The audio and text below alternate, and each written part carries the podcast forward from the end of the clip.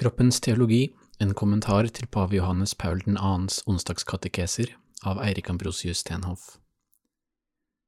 Totus tuus ego sum, et omnia mea tua sunt, Acipio te in mea omnia, prebe mi cor tum Maria. Episode 1, første del av innledningen, Motsetningstegnet, Kroppens teologi i verden av i dag. Del 3 Målet. En kjærlighetens sivilisasjon. Pave Johannes Paul 2.s onsdagskatekeser er blitt kjent ut fra den slående tittelen Kroppens teologi, et begrep han bruker mange ganger. Men deres viktigste formål oppsummeres kanskje best i en av titlene som paven selv ga dem i sin aller siste katekese, nemlig Menneskelig kjærlighet i Guds plan. Mer vil sies om katekesenes tittel og struktur i episode tre. Så langt vil jeg bare understreke at tittelen fanger opp noe viktig. Vi er først og fremst skapt for kjærlighet, eh, og dette var Guds plan fra begynnelsen av. Kjærlighet er både menneskets opphav, dets endelige formål, og dets kall i livet her og nå, i den falne verden vi bebor. La oss beskrive dette nærmere. I vår kultur er kjærlighet et mye brukt ord. Det tillegges stor betydning, men har en tendens til å bli noe rent subjektivt og en følelse. Som vi har sett, gir paven en langt mer objektiv fortolkning av hva kjærlighet er. I sitt første rundskriv, Redemptor Ominis, påstår han attpåtil at mennesket ikke kan forstå seg selv uten ved kjærlighet.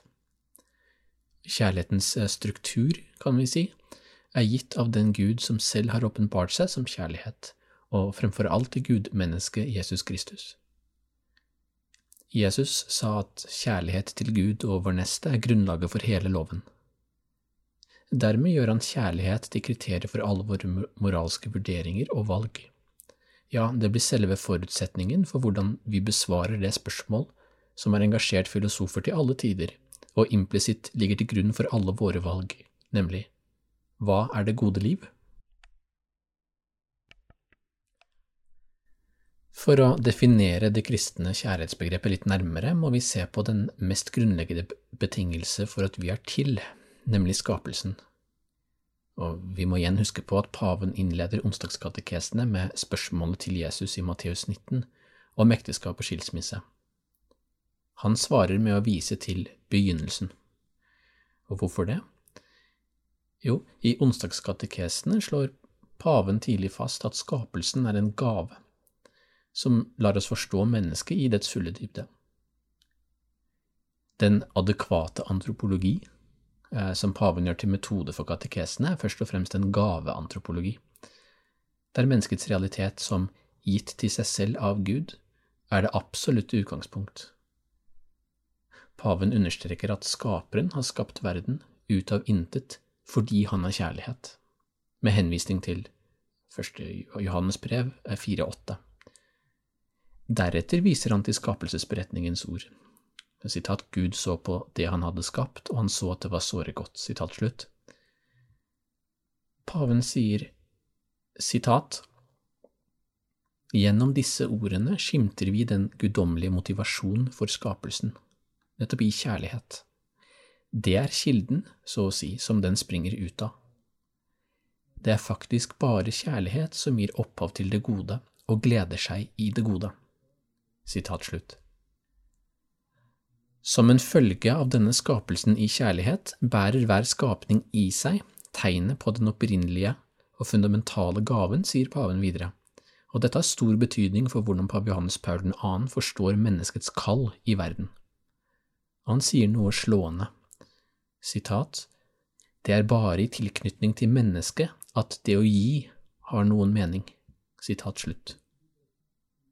Og grunnen til dette er at den synlige verden er skapt for oss, i en forstand. Sitat, Skapelsen er en gave fordi mennesket opptrer i den, og som et Guds bilde er i stand til å forstå selve gavens betydning i kallet fra intethet til eksistens.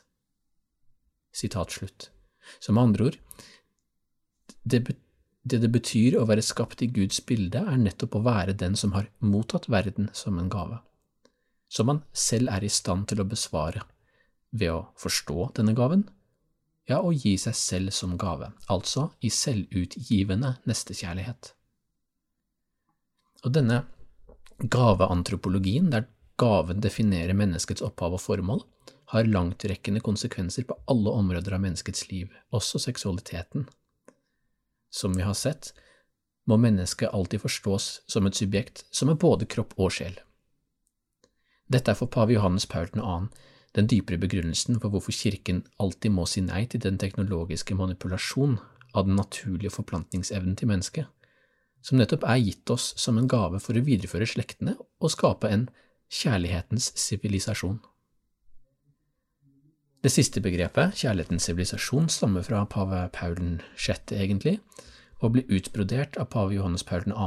i et brev fra 1994, Gratissimam sane, også kalt brevet til familiene. Og dette brevet, som altså er skrevet ti år etter at onsdagskatekesen om kroppens teologi var slutt, gir en oppsummering av mange av pavens anliggender. Han tar utgangspunkt i menneskelig farskap og morskap, som han kaller et særlig bilde på Guds eget vesen.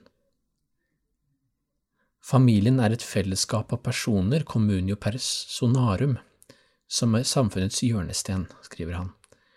Foreldrene er kalt til å gi seg selv til hverandre i oppriktig hengivenhet og oppfylle sitt foreldreansvar på en ansvarlig måte, og dette er i tråd med den gavens lov som er uttrykt i Humane Vite. Og så fremhever paven kontrasten mellom den kjærlighetens sivilisasjon, som er bygget på familien som et fellesskap av personer og ansvarlig foreldreskap, og den teknologiske antisivilisasjon, som truer med å utviske personens og familiens betydning. Her viser paven til utilitarismen som en sivilisasjon som består av produksjon og forbruk, en sivilisasjon av ting og ikke av personer. Altså en sivilisasjon der personer brukes på samme måte som ting. Sitat slutt. Innenfor en slik sivilisasjon, fortsetter paven, sitat, kan kvinnen bli et objekt for mannen, barna et hinder for foreldrene, og familien en institusjon som kommer i veien for sine medlemmers frihet. Sitat slutt. Dette er fra Brev til familien Gratissimam Sane, kapittel 13. Og her sikter paven naturligvis til flere av de mest markante sykdomstegn i vår kultur, som kjernefamiliens sammenbrudd og skilsmisseepidemien, tilgangen til fri abort og den allmenne seksualiseringen av samfunnet. I den filosofiske tradisjonen etter St. Thomas Aquinas er det vanlig å skjelne mellom tre ulike goder som mål for våre handlinger. De kalles bonum delectabile, bonum utile og bonum honestum. De kan oversettes omtrent som nytelse, det nyttige gode og det sant gode. Nytelse, nytte, det sant gode. Disse godene befinner seg i et hierarki, og for skolastikerne var det sant gode, eller endelig gode, bonum honestum, det eneste virkelig attråverdige målet det gode i seg selv.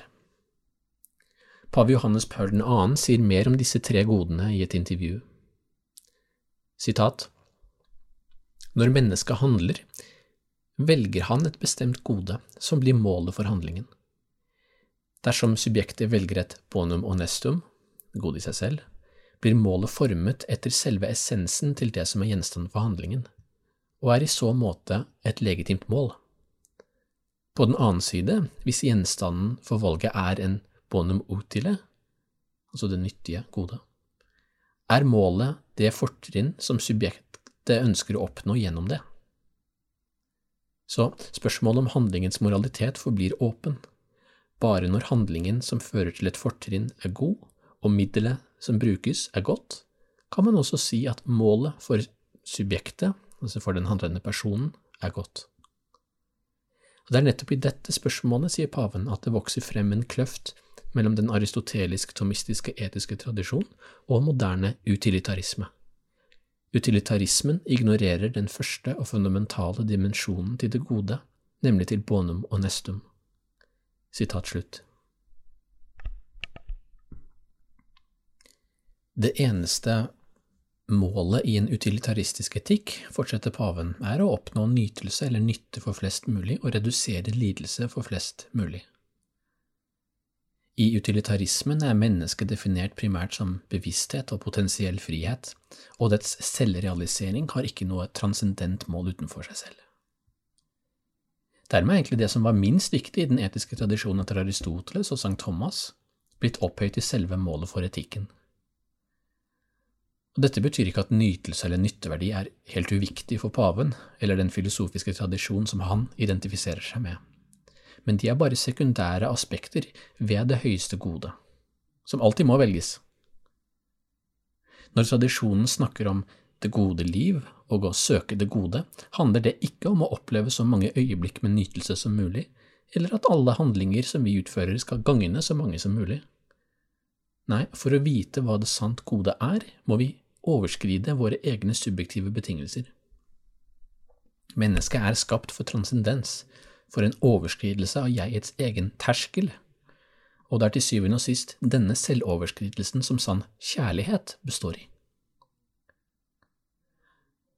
Det er ingen tvil om at den utilitaristiske moralske visjon øver enorm innflytelse på oss.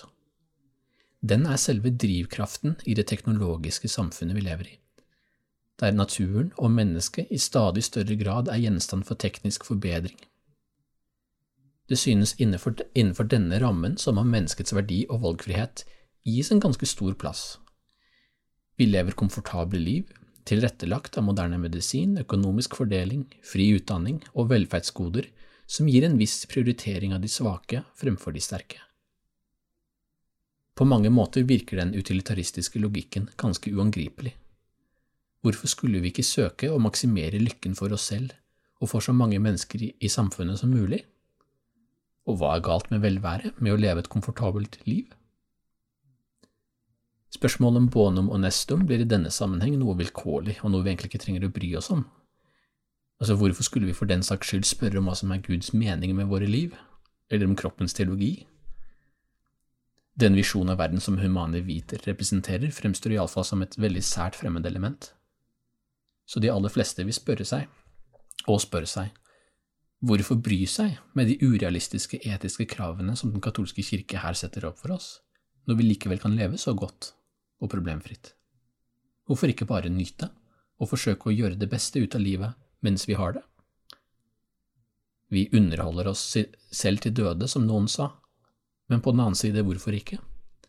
Hva annet er det livet krever av oss? Alt dette er viktige innvendinger som pave Johannes Paul 2. ikke er blind for. Og Det han skriver videre i Gratissimam Sane, er derfor av stor betydning i det han fastslår at kjærligheten er krevende.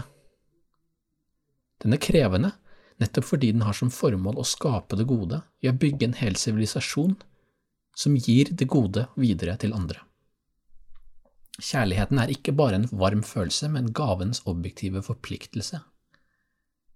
Den teknologiske sivilisasjonen vi lever i, avføder en viss form for egoisme og kortsynthet, og der livet trivialiseres og mennesket gjøres til noe langt mindre enn hva det er.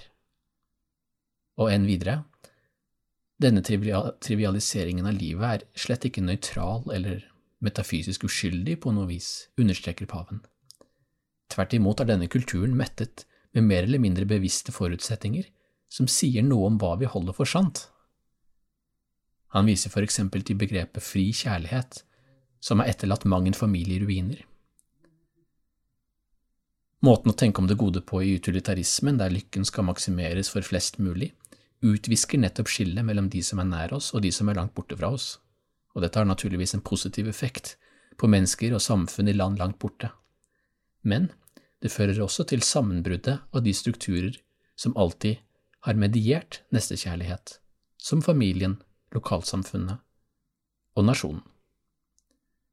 Å gjøre det gode, tenker vi ofte, er å sikre en viss grad av lykke for oss selv og de som er langt borte fra oss.